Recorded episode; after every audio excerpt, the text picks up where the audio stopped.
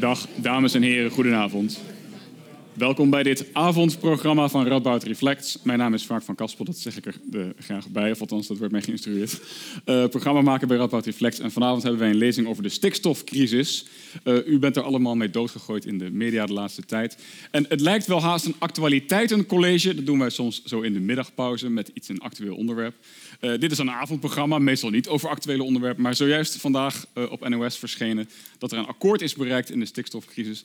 Als het goed is horen wij daar morgen de, de details van, wat er dan precies afgesproken is over vermindering van uitstoot. Maar er was al doorgeschemerd dat we maximaal 100 km per uur gaan rijden op de snelweg. Of althans, uh, in ieder geval voor 7 uur s avonds. Uh, we gaan vandaag uh, gelukkig een voorschot nemen, dus we, we, gaan u helpen om te interpreteren wat er morgen allemaal in het nieuws verschijnt over de maatregelen. wat willen die maatregelen nou voorkomen qua schade? Daar gaan we vandaag over horen. en wij gaan vast misschien vooruitblikken op ja, wat, wat voor zoden zet het nu eigenlijk aan de dijk wat we aan het doen zijn. we hebben vanavond gelukkig twee lezingen. Eén van Carlijn Hendricks, luchtkwaliteitsonderzoeker. Uh, zij is nu werkzaam aan de Radboud Universiteit en gaat ons vertellen over waar stikstof vandaan komt, hoe het zich verspreidt door de lucht en hoe het in de bodem terechtkomt. En daarna hebben we Henk Siepel, uh, ecoloog, die ons vertelt over wat er dan gebeurt met die bodem en alle biodiversiteit die daarvan afhankelijk is als de stikstof er eenmaal in zit. Uh, Carlijn is de eerste, daarna Henk en daarna gaan wij in gesprek en is er ook ruimte voor vragen uit het publiek. En als het goed is sluiten wij om 9 uur af. Dus ik wens u heel veel plezier vanavond. Carlijn, de vloer is van jou.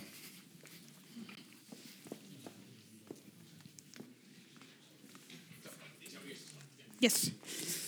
Uh, goedenavond allemaal. Fijn dat u uh, hier bent met uh, zo'n volle zaal. Um, ik wil u de komende 20 minuten meenemen naar de oorzaken, of misschien beter de veroorzakers van de stikstofcrisis. en dan heb ik het niet over de politieke veroorzakers. daar komen we misschien in het gesprek nog even over te spreken, maar daar ga ik mijn handen niet aan branden. Um, maar ik wil het graag met u hebben over, als we het hebben over de stikstofcrisis. Wat bedoelen we dan precies met stikstof? Uh, welke stoffen zijn dat uh, precies? Um, en kennelijk komt die schadelijke stikstof uh, vanuit de lucht neer op natuurgebieden. Maar hoe komt het in de lucht? Wat, wat, zijn de bronnen? Wat gebeurt ermee met de stikstof als het in de lucht zit? En hoe landt het vervolgens op de natuurgebieden en ehm, de, nou ja, de bodem in het algemeen? en onderweg zal ik ook nog wat vertellen over hoe de uitstoot van deze stoffen um, uit verschillende bronnen bepaald wordt. Um, en ook hoe modellen en metingen uh, allebei bijdragen aan het begrip van, van het probleem en van het proces. Um, nou, hier uh, uh, aan de linkerkant ziet u een schematische weergave van de samenstelling van de atmosfeer, waarbij het overigens niet zo is dat stikstof het onderste deel is en zuurstof het bovenste deel. Dat is allemaal netjes gemengd. Uh, maar de stikstof die het meest uh, voorkomt in de lucht, dat is uh, moleculair stikstof, ook wel N2 voor degenen die hun scheikunde nog een beetje in het hoofd hebben. deze vorm van stikstof is niet het probleem. Um, dit hangt gewoon redelijk ongestoord in de lucht en reageert helemaal niet zo gemakkelijk de stikstof waar we het wel over hebben, dat verschilt zich hier uh, in die categorie rest van 1%. Daar zit bijvoorbeeld waterdamp in uh, en CO2, uh, eh, maar ook stikstofoxide, wat een combinatie is van stikstofmonoxide en stikstofdioxide. Dat is één stikstofatoom met ofwel één ofwel twee zuurstofatomen. Uh, en die gaan redelijk makkelijk in, uh, in, elkaar over. En daarom noemen we ze samen uh, NOx of NOx. En die afkorting zult u op sommige plaatjes nog wel tegen gaan komen. Um, en de tweede boosdoener in dit verhaal is ammoniak, oftewel NH3. Eén stikstofatoom met drie waterstofatomen eraan. Um, nou, zowel stikstofoxide als, als ammoniak komen um, in uh, lage concentraties van nature uh, voor. Uh, dat betekent dat er ook natuurlijke bronnen zijn. En voor stikstofoxide is dat bijvoorbeeld bliksem, um, maar ook bosbranden en vulkaanuitbarstingen bijvoorbeeld. En, en natuurlijke afbraakprocessen. en bij ammoniak gaat het vooral om, om uitwerpselen en urine van, van gehouden dieren. En ook daar biologische afbraakprocessen, die spelen daar een rol bij. Uh, nou, in, in, Nederland zijn de natuurlijke bronnen uh, van deze vormen van stikstof echt veel kleiner dan de menselijke bronnen. Um, stikstofoxide komen uh, vrij bij verbrandingsprocessen. En dat speelt zich dus in een grote diversiteit aan economische sectoren af. Dus bijvoorbeeld de energieproductie, de industrie, um, maar ook de verwarming van huizen bijvoorbeeld. en het verkeer. en ammoniak, dat komt vooral um, vrij bij de, bij de landbouw en door, door onze gehouden dieren. als het dan laten we even kijken naar hoe groot de verschillende bijdragen zijn uh, van de verschillende economische sectoren. Uh, helemaal links ziet u ammoniak. Ehm, en dan zien we dat rundvee, dat is dat lichtgroene dingetje hier, dat dat ehm, ongeveer de helft van alle ammoniakuitstoot in Nederland veroorzaakt. En de varkenshouderij en de pluimveehouderij doen ook een flinke duit in het zakje. en alles bij elkaar is landbouw dus verreweg de grootste bron. Um, als we kijken naar stikstofoxide is dat een heel ander plaatje. Want in de landbouw daar wordt wel wat aan verbrandingsprocessen natuurlijk gedaan. Hè. Tractoren die rijden ook niet op lucht. Uh, maar daar is verreweg de belangrijkste eh, sector is het verkeer. En dan met name het, het wegverkeer. En industrie speelt daar ook nog wel een, een flinke rol. Nou, als we die twee stoffen nu samenpakken, dan krijgen we het rechterplaatje. en dan zien we dat de landbouw ehm, in voor het totaal aan stikstofuitstoot uh, in Nederland voor ongeveer 60 procent uh, de bron is. Met wegverkeer als goede tweede. En nou ja, dat verklaart ook meteen waarom we in de media in, in het stikstofcrisisdebat voornamelijk op deze twee sectoren horen focussen. Um, en ik zal u straks nog wat meer vertellen over uh, hoe dit soort uh, grafieken nou tot stand komen. Hoe we nou weten hoeveel er uit welke bron uh, ongeveer vrijkomt. Nou, als we dat, laten we even kijken hoe Nederland het doet in vergelijking tot de landen om ons heen. Um, nou, we zijn kampioen. Um, in ieder geval als we het bekijken uh, op basis van uitstoot uh, ten opzichte van ons oppervlak. Nederland is natuurlijk niet groot. We proberen hartstikke veel te doen hier. We hebben veel mensen, veel dieren, uh, veel verkeer, ook aardig wat industrie. nou, en dat alles leidt ertoe dat we ongeveer vier keer zoveel uitstoten als het, als het Europees gemiddelde. Er zijn er wel regio's in Europa, zoals bijvoorbeeld de Po-vallei in Italië... of grote delen van Noord-Rijn-Westfalië, net over de grens waar ehm, de emissiedichtheid ongeveer even groot is. Nou, dat zijn dus ook gebieden met veel mensen, veel dieren, uh, veel industrie. Uh, of in elk geval een, uh, nou ja, een combinatie daarvan die leidt tot ongeveer een gelijke hoeveelheid uitstoot per hectare land. Um, ik wil ook even voor het historisch perspectief um, met u kijken naar de afgelopen 30 jaar. Dan zien we dat, uh, dit is het plaatje voor ammoniak, en zometeen komt stikstofoxide nog in beeld. En dan zien we dat ook daarvoor geldt dat de uh, uitstoot de afgelopen 30 jaar met meer dan 60% gedaald is. En als we kijken dus naar de ammoniakuitstoot, uh, dan ligt dat voornamelijk aan maatregelen in de, in de veehouderij. Um, dus daar is ook al best wel wat gebeurd aan emissiereducties. U ziet ook dat de, um, de reductie in de, in de eerste jaren van deze tijdsperiode uh, veel sterker is dan, uh, dan die nu nog is.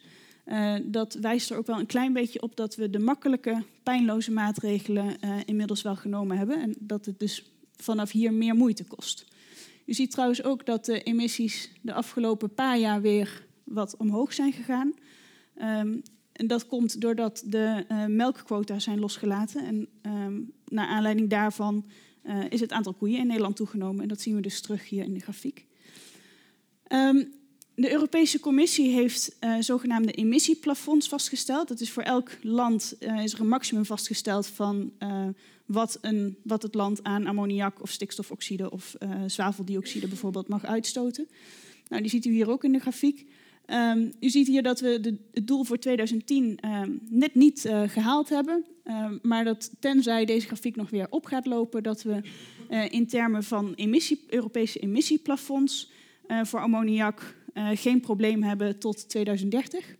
want dan moeten we nog wel wat reductie bewerkstelligen. Dat wil natuurlijk niet zeggen dat we voor die tijd niks hoeven te doen vanwege andere redenen. Maar voor het emissieplafond zitten we redelijk goed.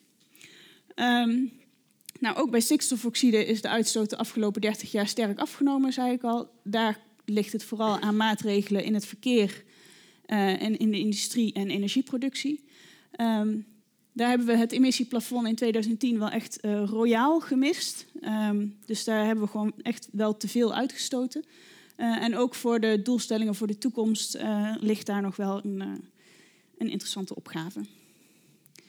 Nou, naast dit soort um, algemene doelstellingen voor de, voor de uitstoot zijn er ook meer specifieke maatregelen die erop gericht zijn de uitstoot te beperken. een voorbeeld daarvan is bijvoorbeeld de het feit dat auto's per gereden kilometer een maximum hoeveelheid aan stikstofoxide mogen uitstoten. Dat gaat dan om, om nieuwe auto's. U herinnert, u herinnert, zich misschien nog wel het dieselschandaal van Volkswagen. nou, dat ging om gesjoemel met, met precies die regels. Maar dat zijn dus meer specifieke regels die er ook voor zorgen dat die totale uitstoot omlaag gaat. nou, dan hebben we nu een overzicht ongeveer van hè, wat, er, wat er de lucht in gaat en welke bronnen daar belangrijk voor zijn. En wat gebeurt er dan? Nou, dat zijn eigenlijk twee belangrijke processen die in de lucht plaatsvinden. Aan de ene kant transport. Ehm, dat is vrij letterlijk het spul waait mee met de wind. en aan de andere kant gebeuren er chemische processen ehm, en worden de stoffen omgezet in, in andere stoffen deels. En voor zowel fijnstof als ammoniak geldt dat een deel van die stoffen wordt omgezet in fijnstof. Um, en fijnstof is weer is schadelijk voor de, voor de gezondheid. Um, dus um, ook stikstofoxide zijn trouwens ook in, in hogere concentraties ook van zichzelf niet zo prettig voor de longen. dus ook los van de stikstofcrisis die er nu speelt, zijn er bijvoorbeeld vanuit gezondheidsoverwegingen ook goede redenen om wat te proberen te doen aan de concentraties van die stoffen in de lucht. Nou, er zijn, voor luchtvervuiling geldt wat omhoog gaat, komt ook weer naar beneden. daarvoor zijn twee belangrijke routes. Aan de ene kant natte depositie. Ehm, dat is het proces waarbij um, de luchtvervuiling, oftewel gas, oftewel deeltje, oplost in een waterdruppel. en dan gewoon met de regen mee naar beneden valt. Um, aan de andere kant is er het proces droge depositie. Dat is wat mysterieuzer. Daarbij dwarrelt de luchtvervuiling min of meer gewoon uit zichzelf naar beneden. En als het dan de grond raakt, dan gaat het daar een reactie mee aan. Um, even kijken wat ik nu ook weer wilde vertellen. Ja, ammoniak, dat is wel goed om te, om te weten om het, om het stikstofdebat nu goed te begrijpen. Uh, ammoniak lost zowel beter op in, in water en reageert efficiënter met de bodem. dat wil zeggen dat de levensduur van ammoniak in de atmosfeer korter is dan die van stikstofoxide. En dat weer, wil weer zeggen dat het in de regel dichter bij de bron weer op de bodem terechtkomt dan stikstofoxide, die verder kunnen reizen. Um, en dat is ook de reden dat in het beleid, als het gaat over specifieke natuurgebieden, uh, dat er dus ook gekeken wordt naar uh, boerenbedrijven in de omgeving. Omdat als je op een specifieke plaats de stikstofdepositie wil verlagen, dan heeft het zin om dus te kijken naar ammoniakuitstoot in de directe omgeving. Nou, zowel voor ammoniak als voor stikstof geldt dat de reactieproducten, dus dat wat er in de atmosfeer ontstaat, dat dat vaak veel verder kan reizen dan stikstofoxide en ammoniak zelf. Fijnstof bijvoorbeeld kan honderden tot duizenden kilometers uh, afleggen. Denk maar aan het Sahara-zand, wat we hier af en toe van onze uh, auto's moeten vegen. Um, en dat illustreert meteen mooi dat het stikstofprobleem ook een internationaal probleem is. Um, dit is een plaatje van grofweg um, de import, de export en onze eigen bijdrage aan de stikstofdepositie in Nederland.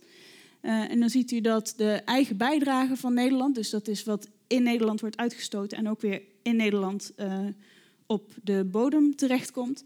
Dat is ongeveer de, de helft van de totale depositie in Nederland. Dus we doen ongeveer de helft doen we zelf en de helft importeren we.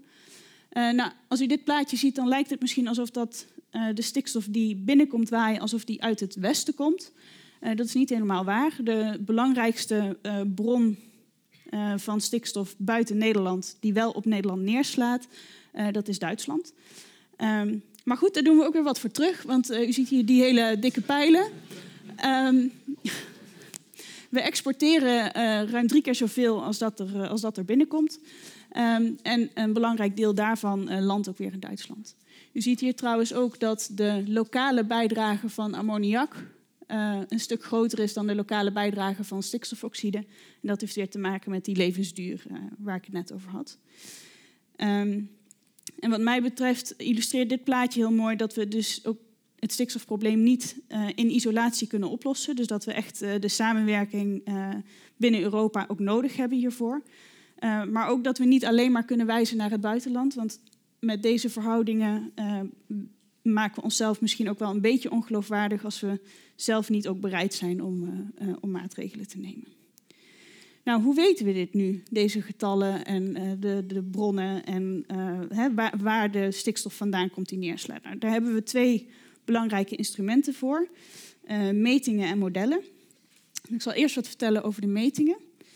Um, er worden metingen gedaan zowel van de concentraties van uh, stikstofoxide en ammoniak in de lucht als van de depositie.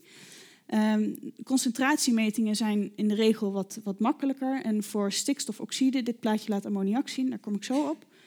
Uh, maar voor stikstofoxide zijn er uh, een paar honderd meetstations um, in Nederland. En die bevinden zich voornamelijk in stedelijk gebied, omdat die zijn neergezet vanuit een volksgezondheidsoogpunt. Um, dus nou ja, dat, dat, zijn metingen die zijn vrij um, veel voorkomend. Ammoniak in de lucht is uh, moeilijker te meten, is daardoor ook duurder om te meten uh, en gebeurt ook minder. Um, deze uh, zes rode bolletjes, dat zijn de plaatsen waar op uurlijkse basis um, de ammoniakconcentratie in de lucht wordt gemeten. Um, en de blauwe bolletjes, dat zijn natuurgebieden waarin op maandelijkse basis de concentratie wordt gemeten. Dus daar wordt een maandgemiddelde uh, concentratie bepaald. Uh, en elk blauw bolletje dat representeert meerdere meetstations, uh, omdat ze, om een goed beeld te krijgen van het hele natuurgebied, verspreid door dat gebied verschillende metingen doen. Um, nou, metingen van depositie zijn er ook. Um, natte depositie is relatief makkelijk te meten. Dat is heel plat gezegd een kwestie van een, uh, een regenmeter neerzetten en vervolgens analyseren uh, wat er uh, in dat water allemaal opgelost is. waarbij je dan er wel voor moet zorgen dat er geen vliegen invallen en, en meer van dat soort praktische details. Um, droge depositie is een ander verhaal.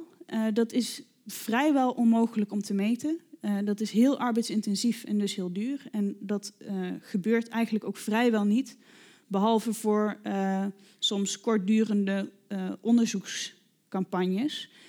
en dan is het ook eigenlijk niet eens zozeer bedoeld om te bekijken hoe groot de depositie is, maar dat is vaak juist gericht op het beter begrijpen van het proces, zodat we beter kunnen berekenen hoe groot de depositie is. Um, nou, dat berekenen, um, dat doen we met modellen. Um, oh ja, dus wat ik wel nog belangrijk vind om te zeggen is dat, uh, hoewel er dus weinig metingen van depositie uh, beschikbaar zijn, dat, dat is geen reden om te denken dat we eigenlijk niet weten of we überhaupt wel een stikstofprobleem hebben. Uh, want het is um, ook zonder die depositiemeting is het duidelijk dat de natuur echt te lijden heeft aan de veel te hoge uh, input van stikstof. En daar gaat Henk uh, straks ongetwijfeld uitgebreid op in. Um, nou, omdat we niet op elke plek in Nederland. Uh, daar is hij. omdat we niet op elke plek in Nederland een meetstation kunnen neerzetten en we dus de droge depositie eigenlijk überhaupt niet zo goed kunnen, kunnen meten, um, nou ja, worden, worden computermodellen gebruikt. Die hebben um, drie belangrijke uh, uh, vormen van invoer. Uh, om vervolgens concentraties en dus de depositie, dus wat er neerkomt op, het, op de bodem, te berekenen. die invoer zijn het weer. Het maakt uit hoe warm het is, hoe hard het waait, of het regent. nou ja, en nog veel meer van dat soort parameters. Um, landgebruik, waar zijn steden, waar is natuur, waar is akkerbouw, et cetera. Um, en de emissies, uh, waar ik u net uh, uh, al het een en ander over heb verteld. Maar dan gaat het niet alleen over hoeveel gaat er de lucht in, maar ook waar gebeurt dat precies, wanneer gebeurt dat ongeveer en op welke hoogte wordt die uitstoot gedaan. nou, dat stoppen we allemaal in een rekenmodel.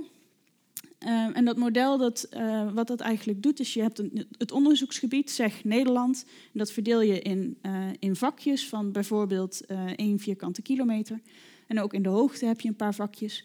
En dan ga je voor elk vakje ga je berekenen wat komt er in vanuit de uitstoot, wat komt er binnenwaaien, wat waait er naar buiten, wat gebeurt er aan chemie en hoe groot is de depositie. Dus zowel voor de regen als, als de droge depositie. Nou, als je dan al die vakjes aan elkaar plakt, en dat modelleer je uh, gedurende een, uh, daar, daar, ga je een heel jaar aan modelleren. Dat duurt niet een jaar, maar dan heb je, heb je voor een jaar de modeldata. Um, nou, dan kun je dus wat zeggen over um, hoe erg is het gesteld met de, met de luchtvervuiling in de lucht en hoeveel stikstof landt er waar in Nederland bijvoorbeeld. Um, een belangrijk voordeel van die rekenmodellen is wat ik net al zei. Hè, we kunnen niet op elke plek in Nederland uh, meten. Dat, dat, nou ja, dan struikel je over de meetstations. Um, met zo'n model uh, modelleer je wel op alle, op alle plekken. Um, een tweede reden om modellen naast de metingen te zetten is dat we uh, door modelleren een stuk meer kunnen zeggen over de herkomst van de stikstof. dus de stikstof die op een natuurgebied neerslaat. Um, uit welk land komt dat? Uh, welke sector is uh, hè, voor, voor, voor, die specifieke plek het, uh, het meest verantwoordelijk, om het dan maar even zo te noemen? Um, en dat kun je uit metingen eigenlijk niet halen, want ja, die moleculen die hebben verder geen paspoort bij zich, of dat, er is verder niet een manier om dat uit de metingen te achterhalen. Um, en een derde reden om, om ook modellen in te zetten is dat je ze kunt gebruiken voor scenario-studies. Um, dus je kunt er dan bijvoorbeeld vragen mee beantwoorden als... heeft het zin om de maximumsnelheid te verlagen naar 100 km per uur? Uh, en hoeveel stikstofwinst uh, of hoeveel minder stikstof levert je dat dan op uh, in de Nederlandse natuurgebieden? Um, ik wil het ook nog even met u hebben over onzekerheden. want in dit debat wordt er soms behoorlijk geschermd met met de onzekerheden die uh, uh, verbonden zouden zijn aan de uitstoot en de depositiegetallen. Um, nou, daar wil ik dus even met u bij stilstaan, maar het is wel belangrijk um, om je te realiseren dat hoewel er onzekerheden zijn, die er altijd zullen zijn in dit soort uh, dossiers, dat de conclusies op hoofdlijnen wel echt ferm overeind blijven. Um, nou, ten eerste de uitstootcijfers. Uh, ik had u net al beloofd dat ik iets meer zou vertellen over hoe die worden bepaald. Um, nou, bijvoorbeeld uh, gaan we weer even naar de stikstofoxide-emissies uit auto's. Um, dat dit, het bepalen van die getallen dat gebeurt op basis van precieze informatie over hoeveel uh, stikstofoxide er vrijkomen per kilometer bij een bepaalde snelheid van een bepaald model auto. Gedetailleerde informatie over het uh, wagenpark in Nederland, dus welke auto's rijden er rond, uh, hoeveel kilometer um, en op, met wat voor snelheden doen ze dat, op welke wegen. Um, als je al die informatie met elkaar combineert, dan kun je dus komen tot zo'n emissietotaal als wat we net, net hebben gezien. Um, voor ammoniak worden uh, ook dat soort berekeningen gedaan. Uh, daar is het ietsje lastiger omdat de uitstoot van ammoniak sterk afhankelijk is van omgevingsvariabelen zoals temp temperatuur. Uh, dus dat maakt, het, dat maakt de berekening een stukje complexer. Um, en soms leidt nieuwe informatie tot het bijstellen van de emissiegetallen. Dus bijvoorbeeld hè, toen, die, toen dat dieselschandaal aan de oppervlakte kwam, nou, toen zijn mijn collega's uh, bij, bij TNO toen nog ehm, druk opnieuw gaan rekenen. Want de, de emissieschattingen die we hadden, die klopten dus niet. Omdat de emissies per kilometer hoger waren dan we hadden verwacht. en dat voorbeeld laat twee belangrijke zaken zien. Ten eerste dat onzekerheid, ehm, als we er meer over weten, kan zorgen voor een, een, een bijstelling naar beneden, maar ook een bijstelling naar boven. Dus het zou ook kunnen dat het probleem groter is dan we nu inschatten. Ehm, en ten tweede dat dat bijstellen dus echt wel gebeurt. Als er reden is om aan te nemen dat er iets niet klopt, dan ehm, wordt daar nog goed naar gekeken. Ehm, voor de betrouwbaarheid van metingen en modellen, nou dat, u kunt ervan uitgaan dat de mensen die meten en de mensen die modelleren, dat die zichzelf ook voortdurend afvragen, goh, hoe weten we nou dat we goed bezig zijn? Hoe weten we nou dat ons model echt de werkelijkheid uh, representeert? En wat daarbij erg belangrijk is, is dat de metingen uh, door continu vergelijken van metingen, modellen en ook satellietmetingen, uh, dat dat een, uh, een, goede manier geeft om, om ehm, te kijken of je, of je kennis robuust is. Als je model helemaal niet overeenkomt met de metingen, nou, dan ga je kijken welke processen heb ik niet goed in mijn model zitten. Uh, want nou ja, de metingen ehm, die representeren natuurlijk de, de werkelijke situatie. Maar op het moment dat het model de metingen goed representeert, behalve op een paar plekken, dat is dan weer aanleiding om eens te kijken naar dat meetstation. Of dat nog wel helemaal goed werkt en of dat nog op een goede plek staat. Um, nou, al met al denk ik dat het belangrijk is. Uh, we willen op een aantal vlakken best nog meer weten. Op een aantal vlakken uh, is de maximale kennis misschien ook niet 100%. Um, maar de belangrijkste conclusies uh, staan echt als een paal boven water. We exporteren een stuk meer stikstof dan er binnen waait. Uh, ammoniak geeft een grotere lokale bijdrage dan stikstofoxide. Uh, landbouw is sowieso de grootste bron van stikstof in Nederland. En zeker als we het ook nog bekijken naar de, de, dat wat er ook neerslaat op Nederland. en vooral alles bij elkaar is het gewoon echt te veel stikstof. Nou, als we al die kennis die we hebben op een hoop gooien, dan levert dat dit plaatje op voor de totale stikstofdepositie in Nederland. Um, nou, u ziet dat er inderdaad aardig wat verschillen zijn, maar globaal genomen zitten we in Nederland ongeveer tussen de 15 en de 45 uh, kilo stikstof per hectare per jaar, met uitschieters naar boven en naar beneden. Um, nou, wat is nu het effect van van die stikstofdepositie op de natuur in Nederland. Um, ja, daar ben ik eigenlijk zelf ook wel benieuwd naar. Um, dus ik geef het stokje graag uh, snel door aan, uh, aan Henk. Dank u wel.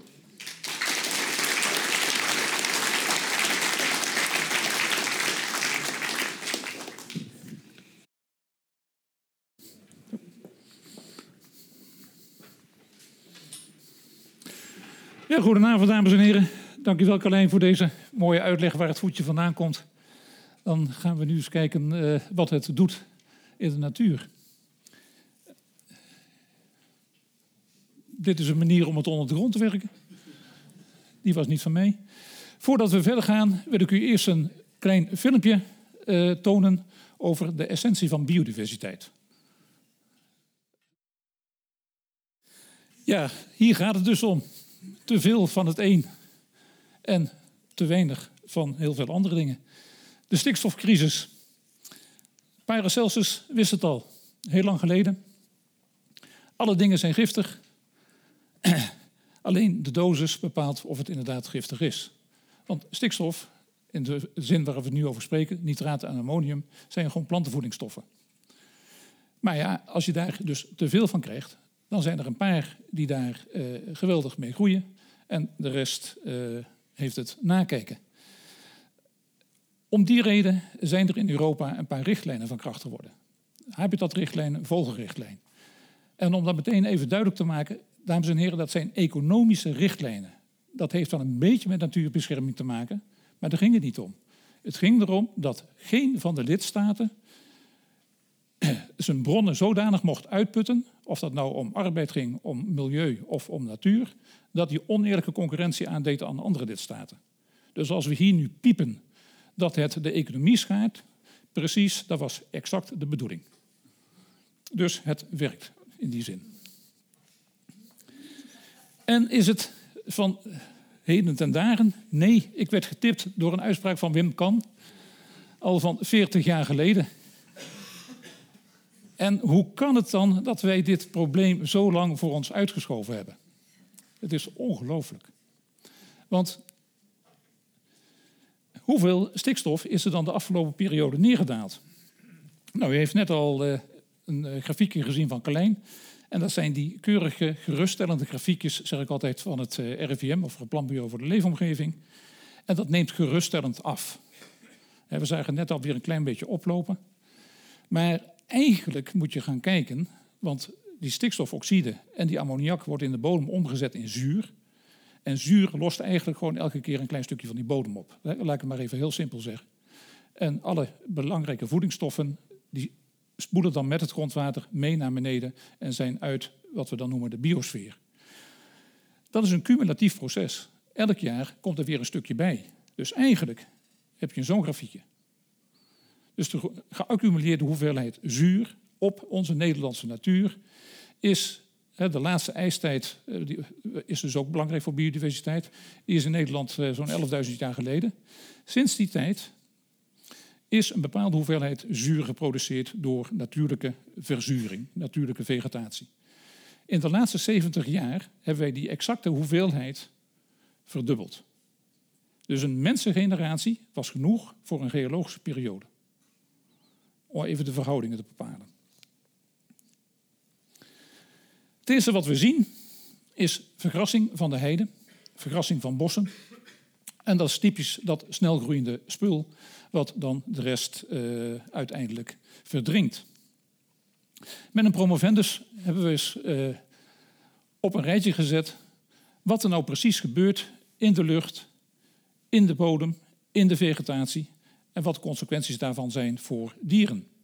En dat was nog nooit eerder gebeurd. Als je dan gaat kijken bovenin, dan heb je dus een toenemende uh, stikstofdepositie. Daar hebben we net alles over gehoord.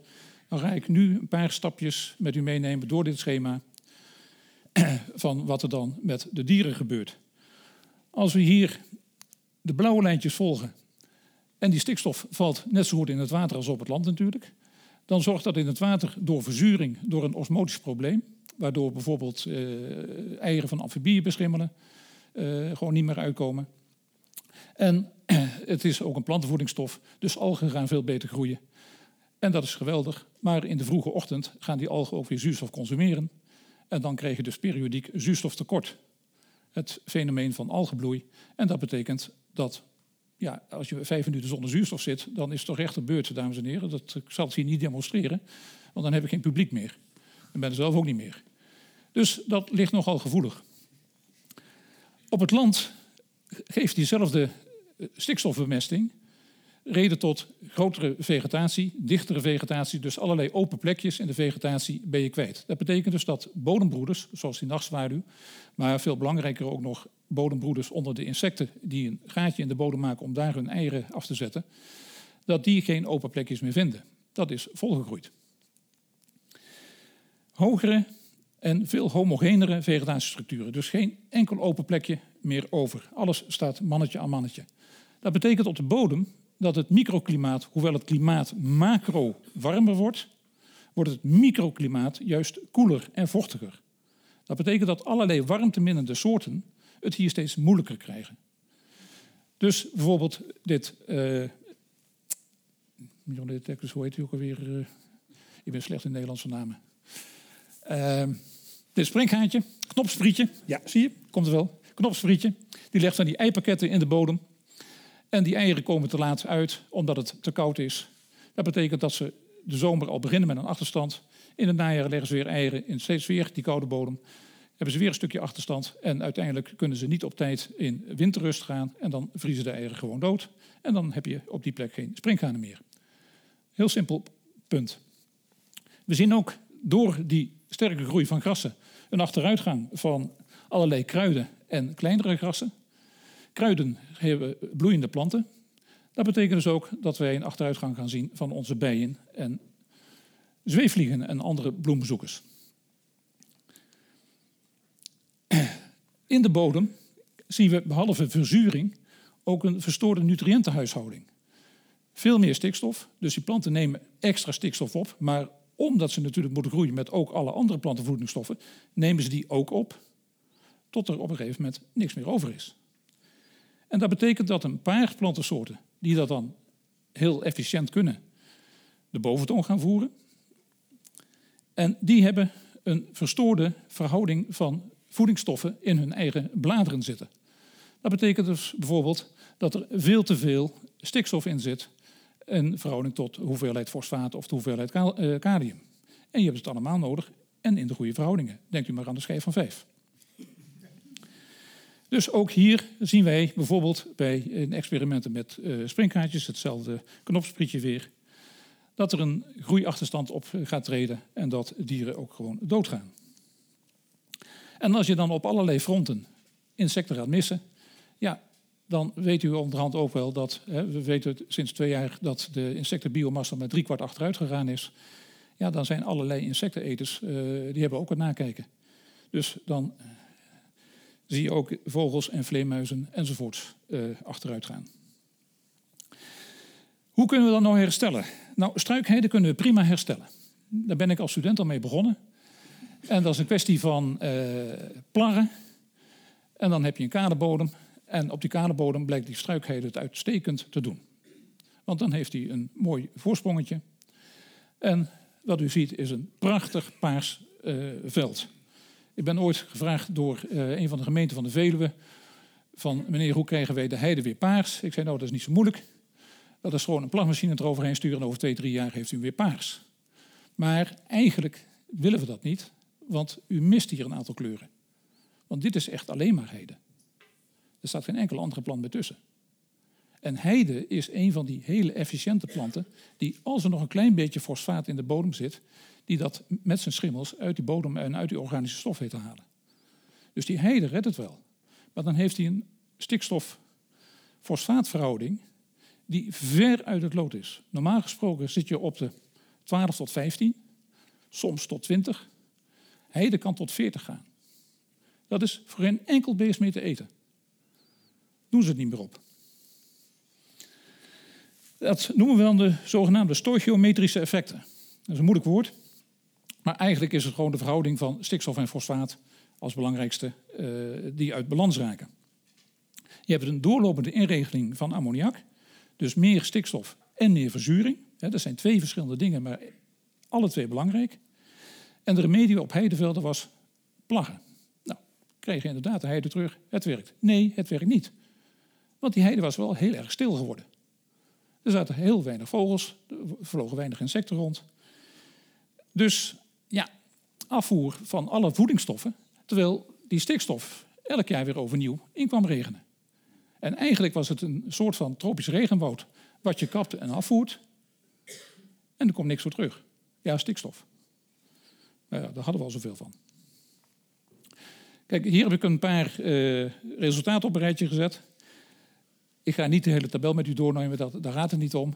Maar wat wel aardig is, de bovenste plant NP-ratio, die zijn rood. Dat betekent dus negatief. Hoe hoger die NP-ratio, hoe slechter het is met de fauna.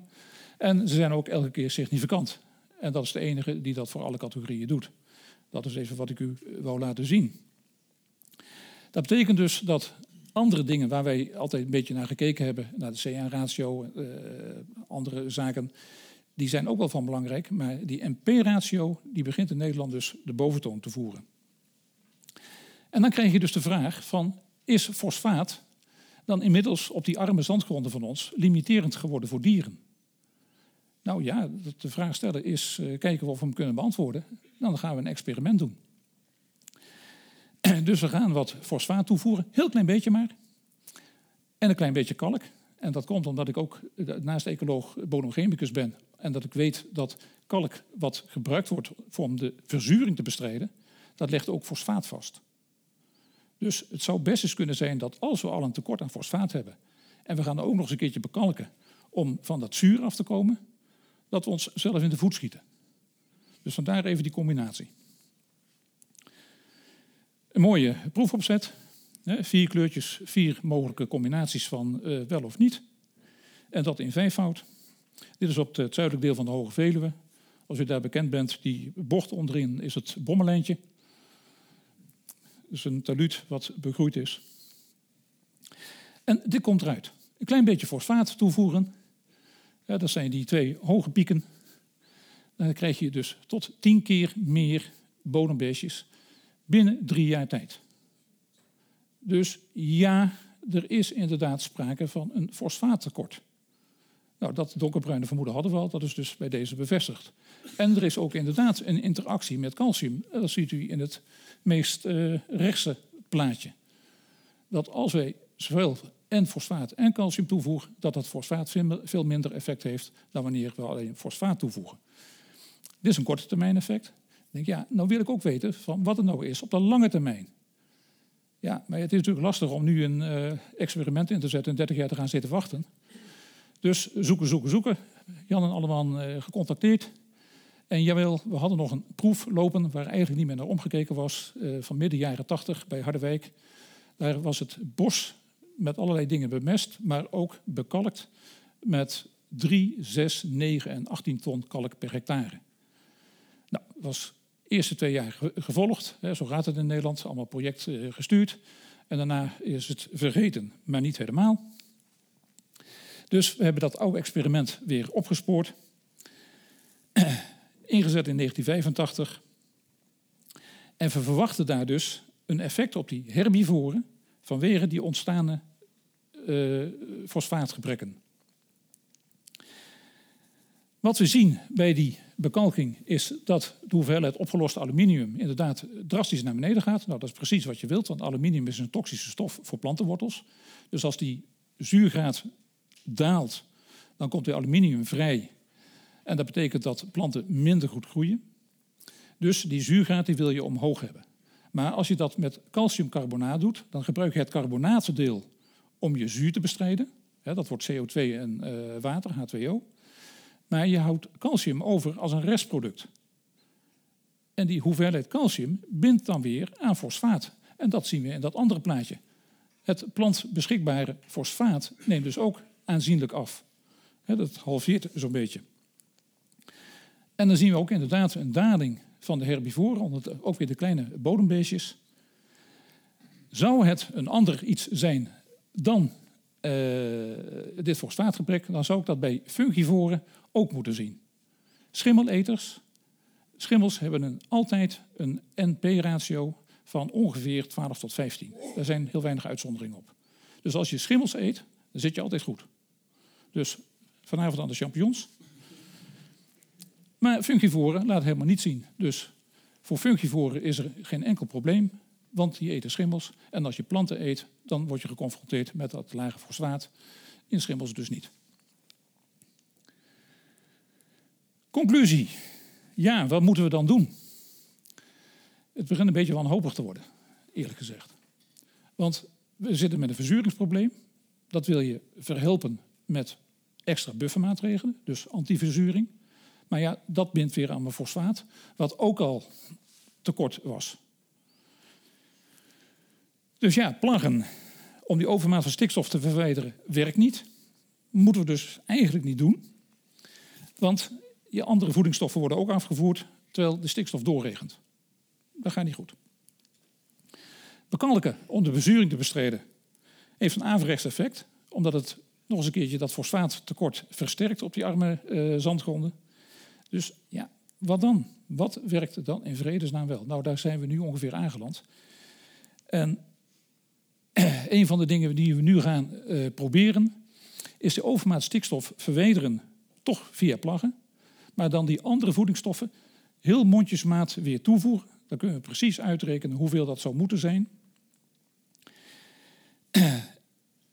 En uh, dat kun je doen door gemade rots. In de, steen, of in de ijstijd zijn die uh, gronden hierheen gekomen. dat zijn eigenlijk gewoon uh, stukjes Noorwegen die langzaam naar het zuiden met het ijs zijn meegekomen. Als wij nu uit Noorwegen weer het afvalproduct van de mijnen gaan halen, steenmeel, lurgie of soilfeed zoals het tegenwoordig netter heet, dat bekt wat beter, dan zouden we daarmee onze bodem kunnen herstellen. Maar dan moet wel die stikstofkraan dicht. Want als die open blijft staan, dan gaan wij dus alle voedingsmiddelen aan die planten geven. Ja, en dan is het hek natuurlijk van de dam. En dan heb ik geen biodiversiteit meer. Dan heb ik alleen nog maar inderdaad een paar van die harde groeiers. En dat werkt niet. Dank u wel.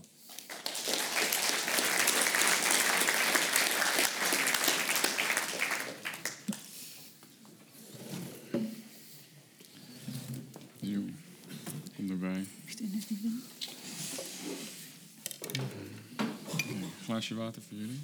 Uh, lekker. Ja. Ja, lekker. Ik lust er ook wel in. Yes.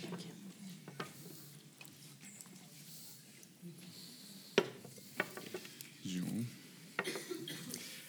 Hartelijk dank voor deze fantastische onderlaag aan kennis. Ik heb, eh, om het even naar de actualiteit te trekken... Of nou ja, dit is natuurlijk allemaal actueel, begrijp me niet verkeerd. Twee uitspraken van eh, mensen die in Nederland verkozen zijn eh, op een politieke plaats. Dit is een citaat van Arne Weverling, Tweede Kamerlid van de VVD. Die zegt, natuur is van belang, maar er moet wel balans zijn. En de balans lijkt nu een beetje meer naar de natuur door te slaan. En wij vinden natuurlijk dat er economische ontwikkeling moet zijn. Ook een citaat hier van eh, Cora van Nieuwenhuizen, ook weer van de VVD. Ik weet niet of dat toevallig is. Eh, zij is minister van Infrastructuur en Waterstaat. En eh, zij, zij heeft het erover of het vernieuwde vliegveld Lelystad volgend jaar wel open kan.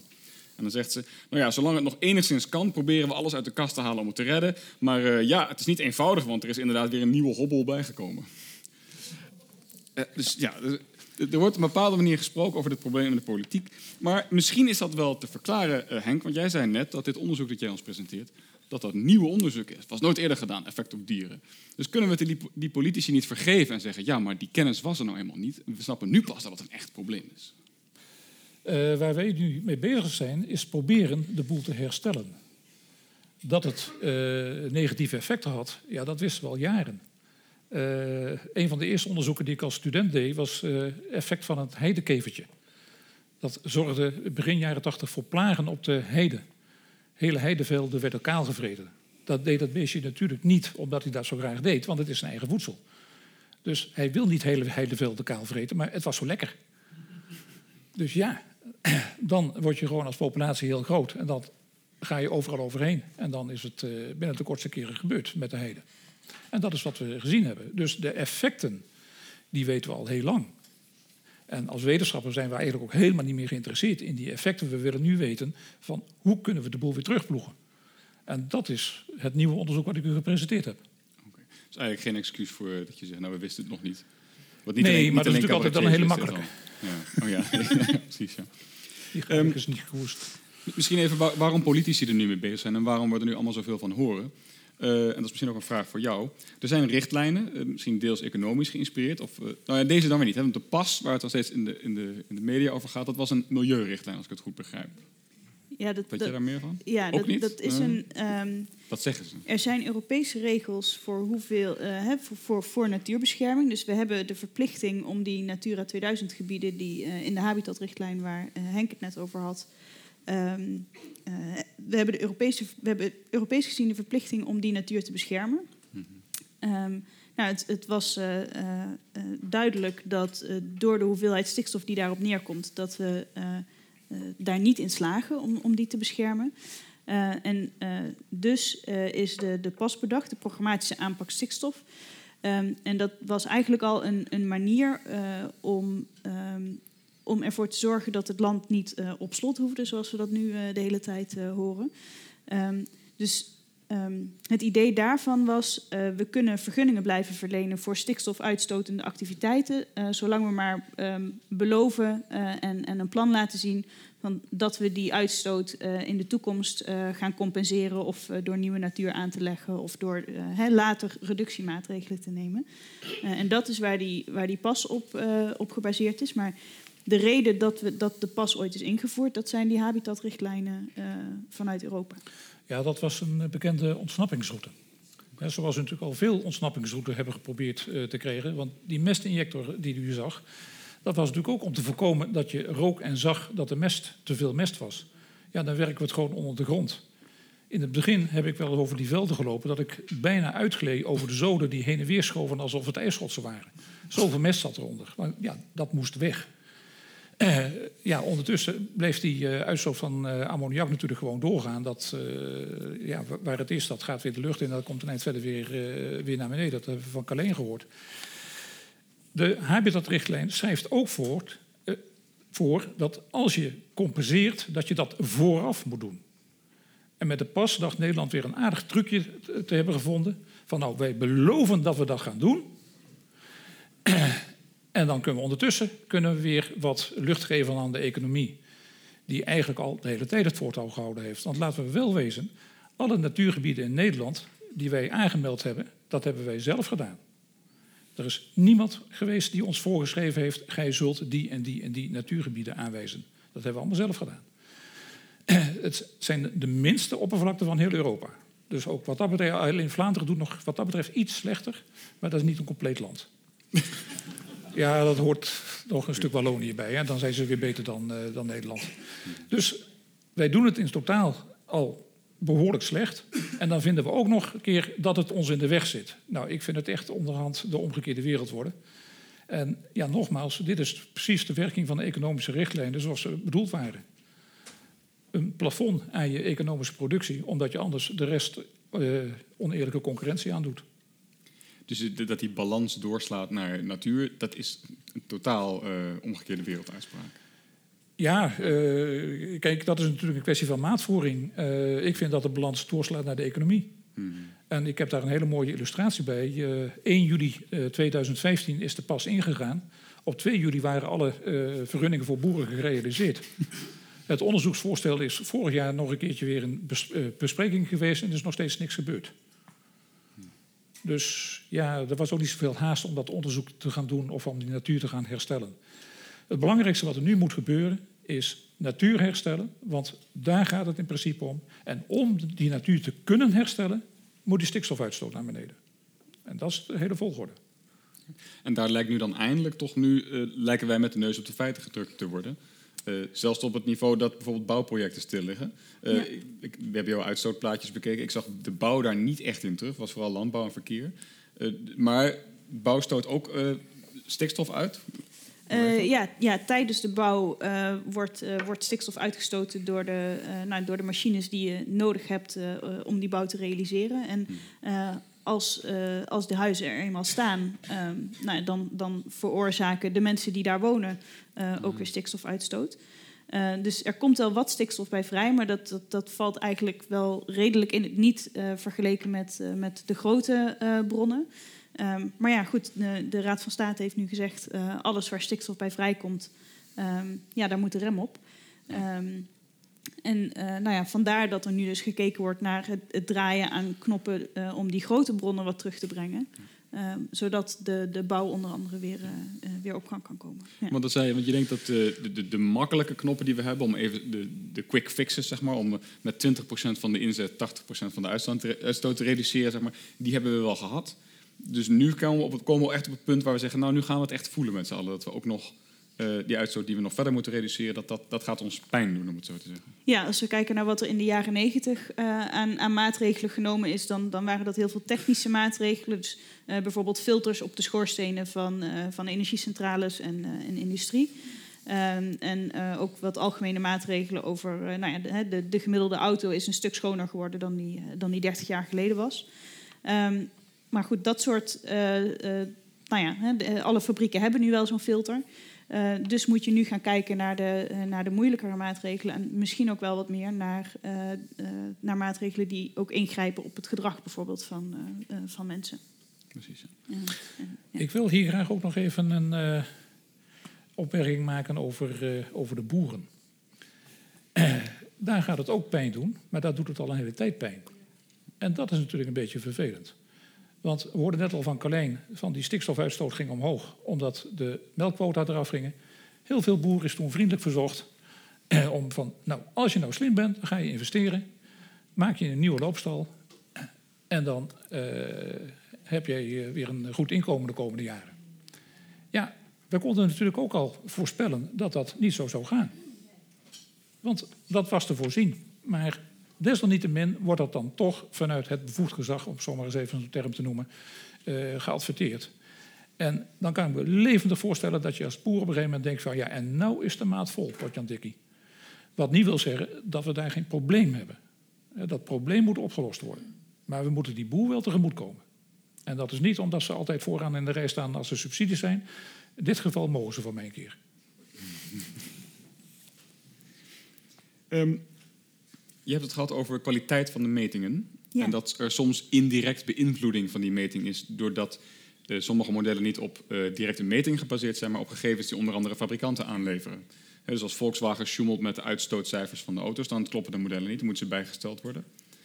Eh, heb jij het idee, of hebben jullie het idee dat er soms ook op een bepaalde manier vanuit de, de economische lobby, in brede zin van het woord, eh, directe beïnvloeding is op eh, bepaalde metingen of uh, gevolgstudies of zo? Dat er, hè, ik heb het nou, er is recent een voorbeeld geweest dat de, de bakslobby heeft, echt invloed op de manier waarop schadelijke stoffen uit de sigaretten gemeten wordt.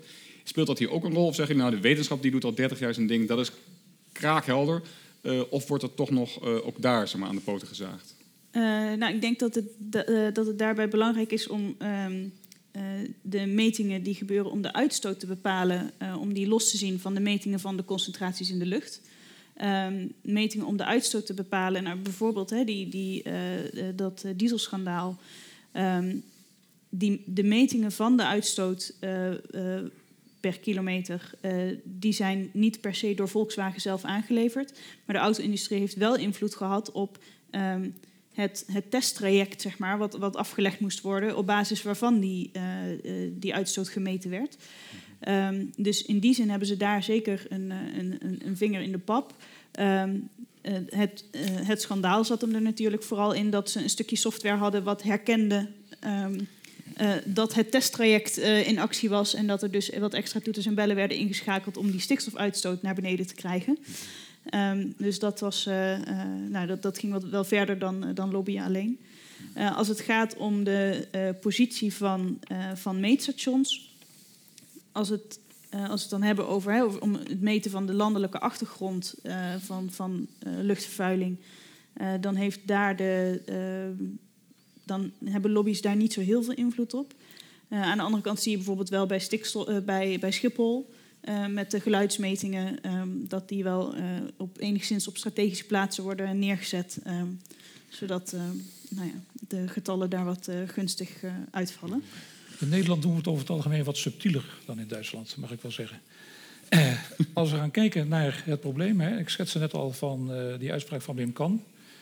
In die tijd werd natuurbeheer, en het, dat zat nog bij het ministerie van CRM. Dat werd toen overgeheveld naar landbouw. Dat was heel handig, want dan kon je het meteen uh, ja, een beetje stevig omarmen. Heel stevig omarmen. Zo stevig omarmen dat het bijna niets meer kan. En dat is ook wel een beetje gebeurd.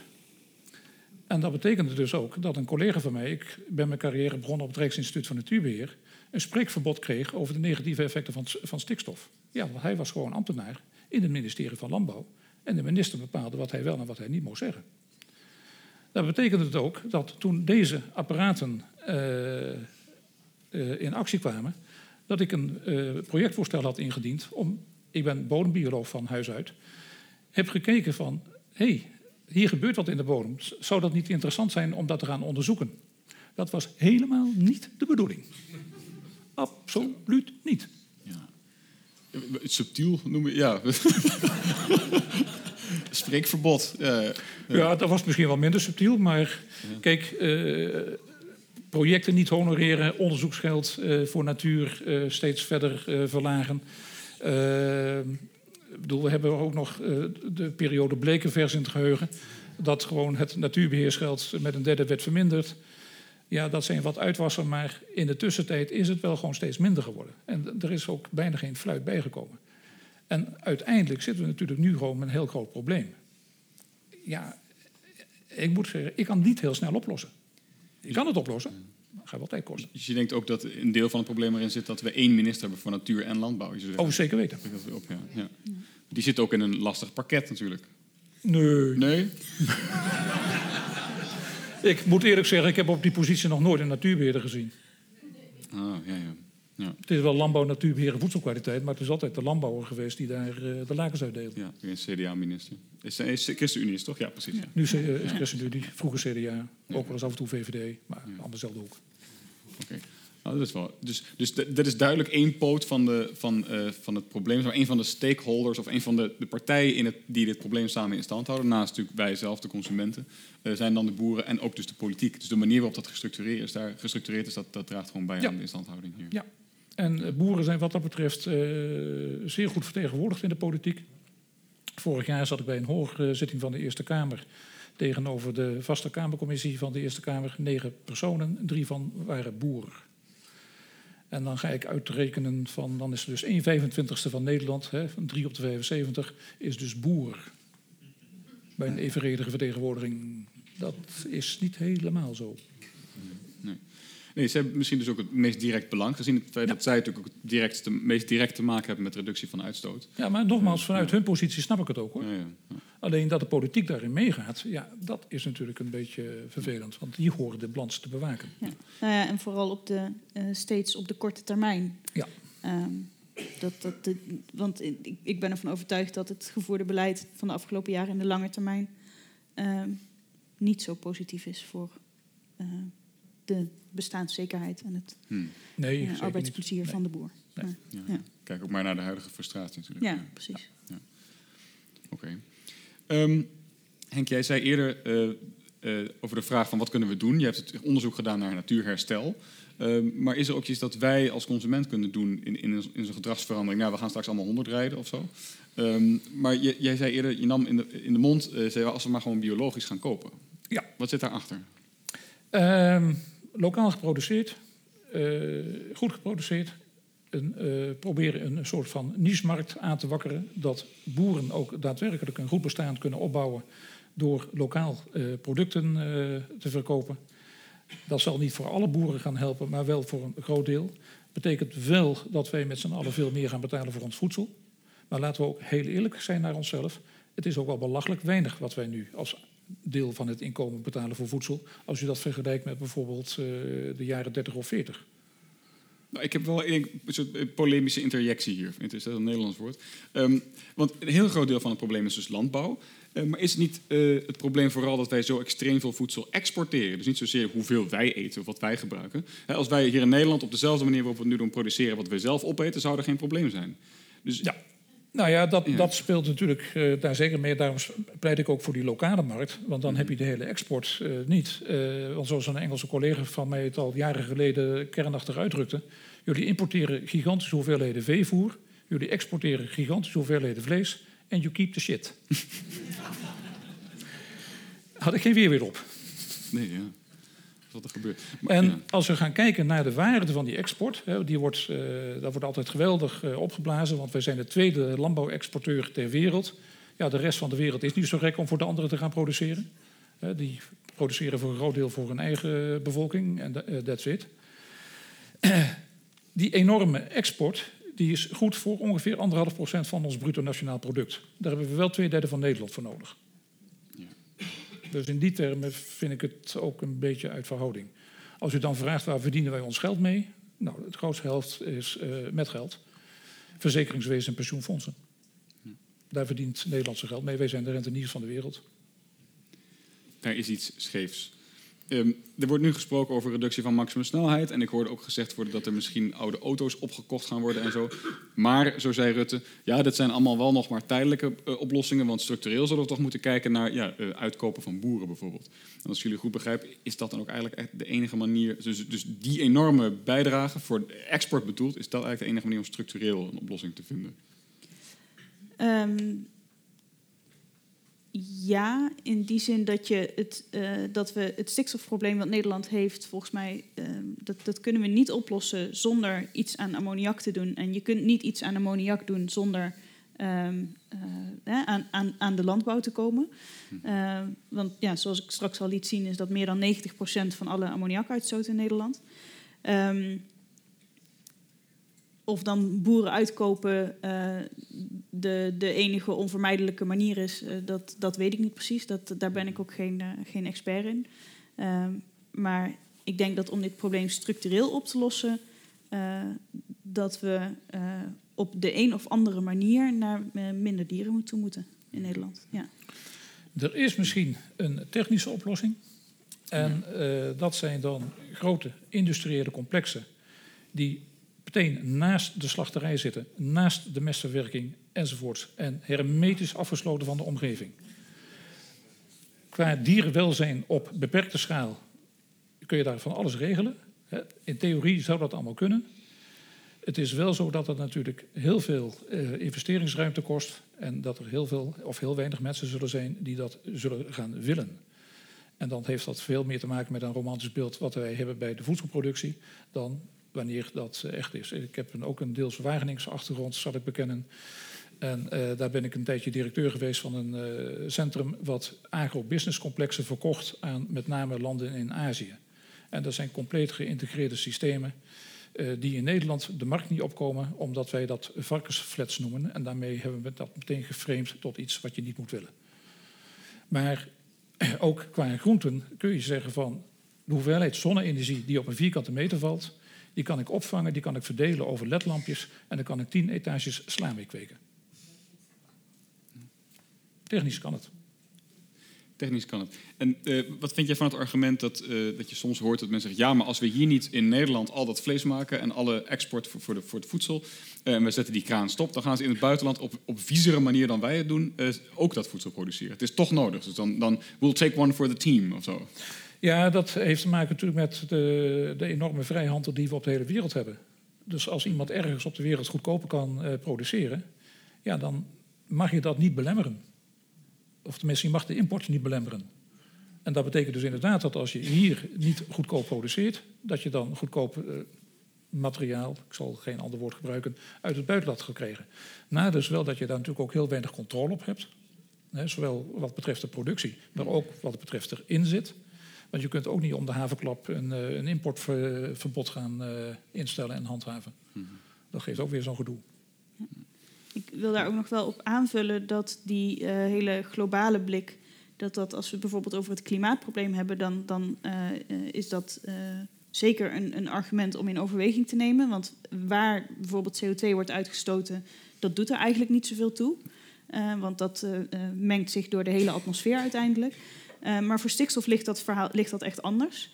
Um, dus op het moment dat wij hier uh, relatief schoon, maar toch met veel te veel stikstof uh, uh, vlees produceren, maar inderdaad zelf met, met de stikstof blijven zitten, kan het best zijn dat ook al zijn de, de technieken in het buitenland minder schoon, dat als daar geen of een veel kleiner stikstofprobleem is, dat je het in termen van uh, stikstofdepositie, dat het eigenlijk helemaal niet erg is als dat in het buitenland gebeurt met een wellicht uh, zonder een luchtwasser in de stal of, uh, hmm. of dergelijke. Dus in termen van totaal het verlies aan biodiversiteit bijvoorbeeld, kan het veel meer schade doen als je gewoon heel veel concentratie op één plek hebt, dat daar gewoon alles uitsterft. dan wanneer je dat meer verspreidt, dan kan het, kan het beter opgevangen worden. Ja, afhankelijk van um, nou ja, waar, waar, het dan naartoe verplaatst en, en, in hoeverre daar de kritische grenzen in beeld zijn. Hmm. nou ja, daar komen natuurlijk ook uh, vragen over dierenwelzijn en zo dan bij kijken. Dus het maakt wel uit uh, hè, welke, welke focus uh, je pakt. Maar als je puur naar, naar het stikstofprobleem kijkt, dan vind ik dat niet zo'n heel sterk argument. Ja. Ja, en Henk, jij zei iets interessants dat de, de, die, die richtlijnen met name een economische achtergrond hebben. Dus dat, dat het niet zozeer het idee was, wij willen natuur beschermen, maar wij willen zorgen dat landen geen oneerlijk economisch voordeel halen door hun grondstoffen uit te putten, onder andere natuur. En toen hebben wij zelf aangewezen, nou, die en die natuur willen wij beschermen. Dus dat, dat wordt eigenlijk onze, uh, back, of onze, ja, noemen we dat, uh, onze ondergrens voor wat wij mogen produceren in dit land. Uh, en je zei, we hebben niet heel veel natuur opgegeven. We zijn niet, we zijn niet heel rijkelijk geweest. nee, als je dat vergelijkt met, met andere landen zoals Frankrijk en Duitsland en ook het Verenigd Koninkrijk, wat je gewoon toch een beetje kunt vergelijken qua welvaartsniveau met Nederland, dan mm. hebben wij beduidend minder aangewezen. Onze grootste gebieden zijn de Veluwe en de Waddenzee. Nou, de Waddenzee, dat dicht niet zoveel. Dat is grotendeels eh, water natuurlijk. Dat is vervelend voor de kokkelvissers, tot op zekere hoogte. De Veluwe, ja, dat is natuurlijk een, een groot gebied. Maar verder hebben wij relatief kleine snippertjes. Uh, die qua biodiversiteit wel van enorm belang zijn, omdat het de laatste stukjes zijn met een vegetatie of met dieren uit die regio van het land. En ze liggen nu verschrikkelijk in de weg, volgens een aantal eh, politici. Maar ja, dan zijn we ook die laatste stukjes kwijt. En dat zou toch wel heel erg jammer zijn. En die liggen vrij verspreid door het land. Ja. Dus niet, uh, ja. precies. Ja. ja. Dus, uh, wat, jij, jij, zei iets bij, bij, het eten, dat je zei van, nou ja, uh, er was even sprake van dat, dat hard rijden in Groningen dan misschien nog wel mag. Ja, of zo. ja, ja. Wat was dat? Ehm, nou ja, er werd dus eh, gekeken naar uh, verlaging van de maximumsnelheid om de stikstofuitstoot terug te dringen, om de depositie op Nederland terug te dringen. Maar ja, dat, wat er in Groningen de lucht in gaat, dat waait toch naar Duitsland. Dus dat is niet ons probleem. Um, nou, dat, dat lijkt me niet de houding om, om hier ook de buren mee te krijgen in, nou ja, in met enige sympathie kijken naar, naar onze natuurgebieden.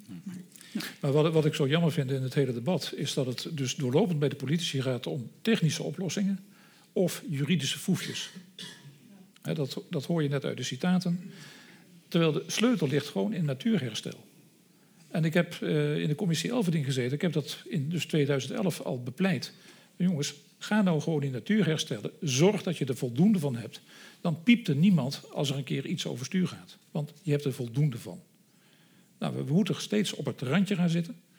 Ik zal u ook vertellen, een eh, kleine anekdote. Ik moest ook voor het ministerie van Landbouw uitzoeken wat de grootte van een populatie moet zijn om een grootte van een reservaat te berekenen.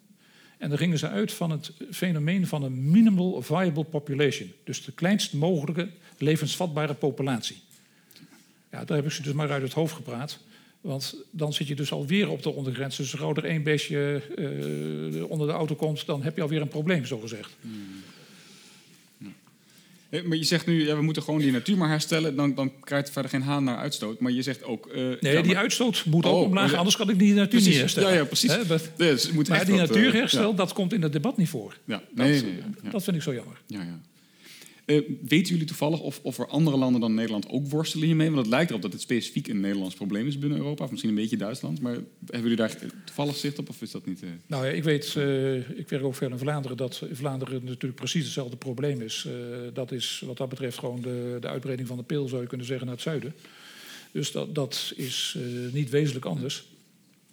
Duitsland heeft iets minder problemen. En ja, bijvoorbeeld in Italië heb je een probleem in de bovenvlakte, maar als je dat over het hele land uitmiddelt, dan uh, valt het natuurlijk ook wel weer mee. Hmm. En ja, dat is dan het, uh, het nadeel van Nederland, dat hè, de Rijndelta, om zo maar eens even te zeggen, een apart landje is. Ja, we hebben niks om het mee uit te middelen. Nee, nee. gelukkig aan de andere kant. Ja. En ik heb, Want anders hadden wij toch in de hele vervuilde Rijndelta gewoond. Hè? Ja. Um, uh, toen ik nog bij, bij TNO werkte, waar ik dat luchtkwaliteitsonderzoek deed, toen hebben we ook uh, behoorlijk veel van die depositiestudies voor Duitsland gedaan. Um, dus er wordt daar zeker heel serieus gekeken naar hoe, hoe, problematisch is het. En ook echt per natuurgebiedje, um, hoe, hoe, groot is het probleem dat we daar hebben precies. Um, ik heb nog niet meegekregen dat ze daar ook zo'n uh, soort van uh, bestuurlijke lockdown. Uh, Gaan ze daar ook honderd rijden met z'n allen? Ja, nee, dat, dat, dat, dat lijkt me daar nog gevoeliger liggen dan, dan hier misschien. Ja. Um, maar dat, dat ze daar dus in ieder geval vanuit de, vanuit de ministeries, of de, de nou ja, het Natuurministerie, um, wel al preventief. Uh, hè, want dat is natuurlijk ook voor een beetje het probleem dat we hier pas uh, in actie gekomen zijn toen, we, ja, toen we al tegen de, tegen de muur uh, aangereden waren. En dat ja. proberen ze daar, heb ik het idee, iets actiever te voorkomen. Okay. Nou, en wat ik ook nog kan zeggen, de studie van de Rabot Universiteit van twee jaar geleden over dat massale insectensterven in Duitsland heeft in Duitsland geleid tot een investering van 100 miljoen euro per jaar aan bescherming van insecten. En dat is de lol als je dus een apart ministerie hebt voor natuurbeheer. Hmm. Uh, hartelijk dank voor uw komst. Eh, ik, hoop dat dit uh, deels bijdraagt en dat u allemaal de wereld ingaat om deze boodschap te. ja, goed. De, de lift naar Lent. Die, ja, nou, ja, fantastisch. Eén van u laat vanavond meteen de auto staan, al is dat niet vrijwillig, want de autosleutel staat aan de binnenkant, dus die kan niet weg zometeen. Dus, um, dus als er iemand is die toevallig naar Lent moet rijden nu, dan zou het heel fijn zijn als u zich kenbaar maakt als u die persoon een lift zou willen geven, zodat hij de reservesleutels kan halen, zou heel fijn zijn. Dus meld u zich even bij mij als u iemand een, een lift naar Lent wil geven. En verder wens ik u van allen een uh, fijne avond. Dank u wel. Bedankt. Ja. Ja.